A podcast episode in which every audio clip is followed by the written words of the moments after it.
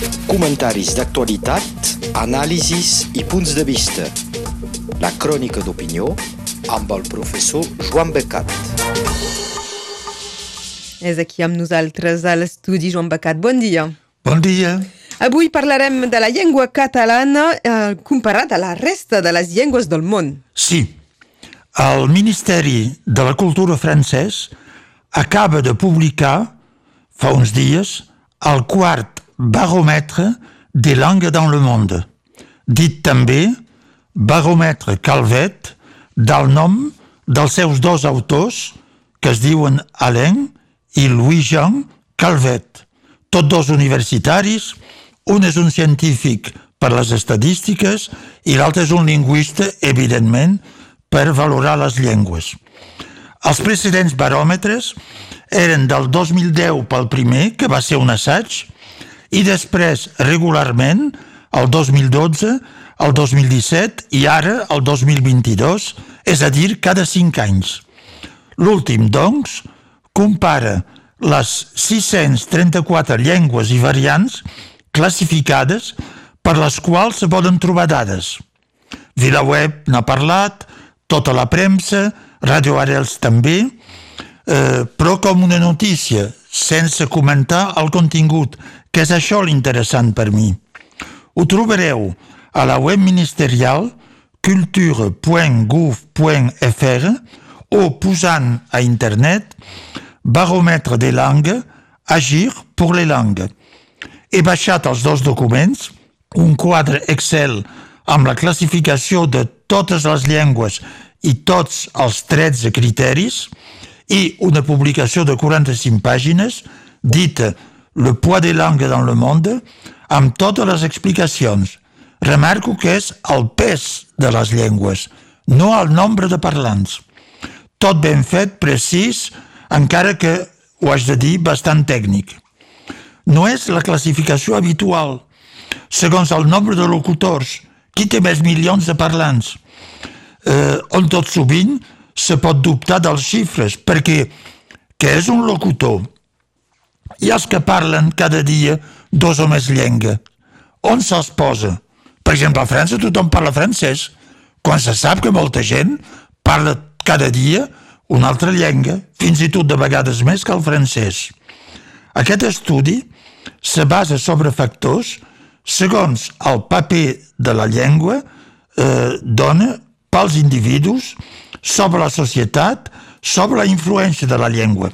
Per exemple, per si algunes persones la mateixa llengua, posem el francès o l'anglès, és la llengua materna, però també la de l'escola i la de les relacions familiars i socials, aquesta és l'única que li serveix per tot. Per molta gent, aquests usos se fan amb llengües diferents, com és el cas pels catalans, o per exemple a França, per molta gent de la immigració, que siguin immigrats actuals o els pares o els avis i que parlen sempre la seva llengua d'origen a casa. I per totes les llengües regionals. És a partir d'això que s'han triat el mètode i els criteris. És interessant i original. L'objectiu és de determinar el pes de la llengua en si mateixa i d'atribuir notes, coeficients, per cada criteri que correspon a cada ús de la llengua. Doncs ara coneixem el mètode eh, pel que fa del català on se situa. Excepcional. Això dit, doncs, és una situació que us sorprendrà. Si eh, no ho sapiguéssiu ja, perquè ja s'ha dit. Una situació remarcable, que us farà sentir orgullosos de la vostra llengua. A veure, de les 634 llengües, el català és la dotzena, precedida i seguida per llengües d'estat. A l'inici només són llengües d'estats, amb els més importants, i cal arribar a la 37 i 38 per trobar una altra llengua no estatal, el basc i el gallec. Això mostra la plaça especial del català, la sola a tenir aquesta classificació entre les moltes llengües no estatal d'Europa i del món.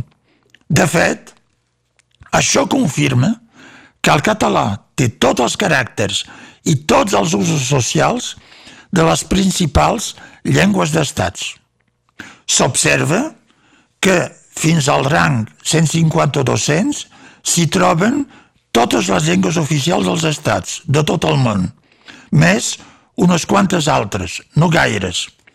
Per les més de 400 altres que segueixen, la major part d'elles us sorprendran, car ni sabreu d'on són eh, si no aneu a un diccionari o a la Viquipèdia. I encara, per exemple, vaig quedar parat de saber que existia el caxiquel, una variant del maia, o el gurraguer, que és una llengua d'Etiòpia, que diuen que bastant utilitzada, i el marwadi, parlat a una regió de l'Índia, que ella mateixa té moltes llengües, desenes.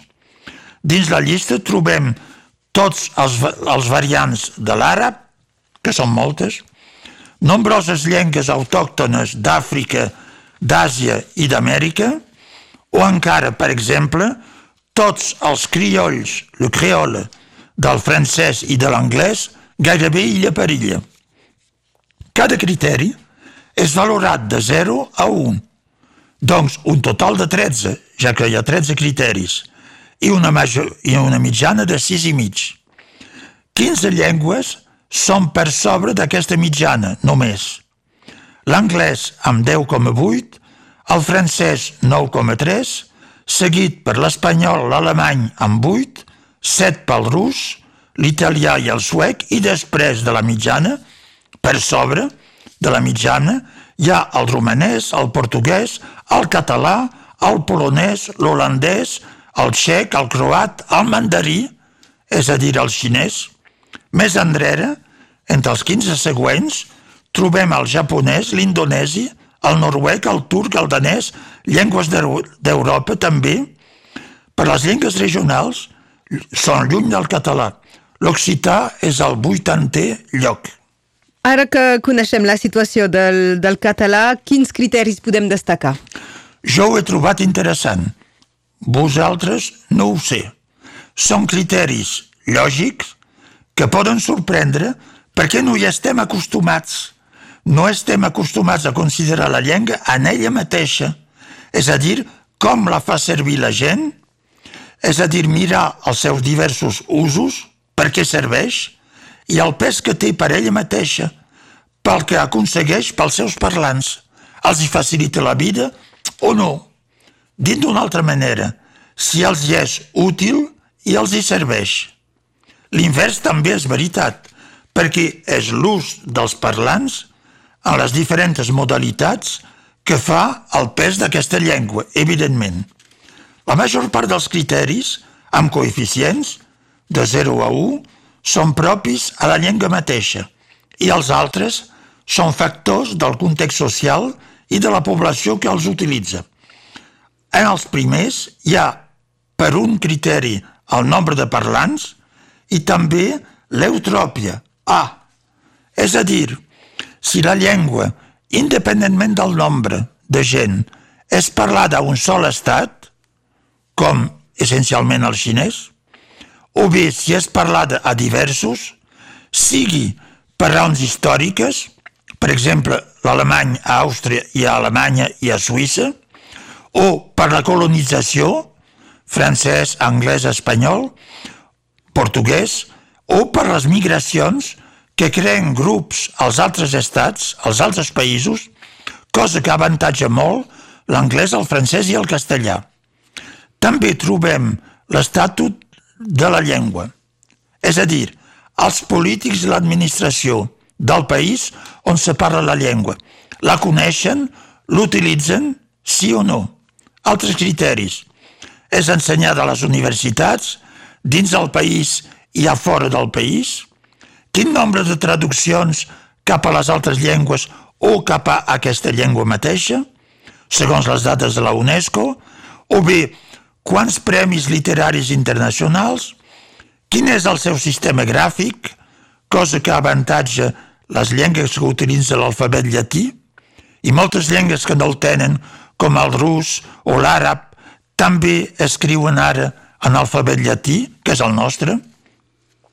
Se prenen en compte també l'índex de fecunditat, és a dir, el nombre mitjà de naixement per dona i l'IDH, és a dir, l'índex de desenvolupament humà, un índex que integra el producte interior brut, l'esperança de vida, el nivell d'educació, etc. Remarco tres, per tancar, tres criteris que són especialment interessants pel català. Un és la vehicularitat, és a dir, el transport de la llengua. És a dir, com s'adquireix la llengua, materna o apresa. I, un cop apresa, la capacitat a utilitzar aquesta llengua dins la societat.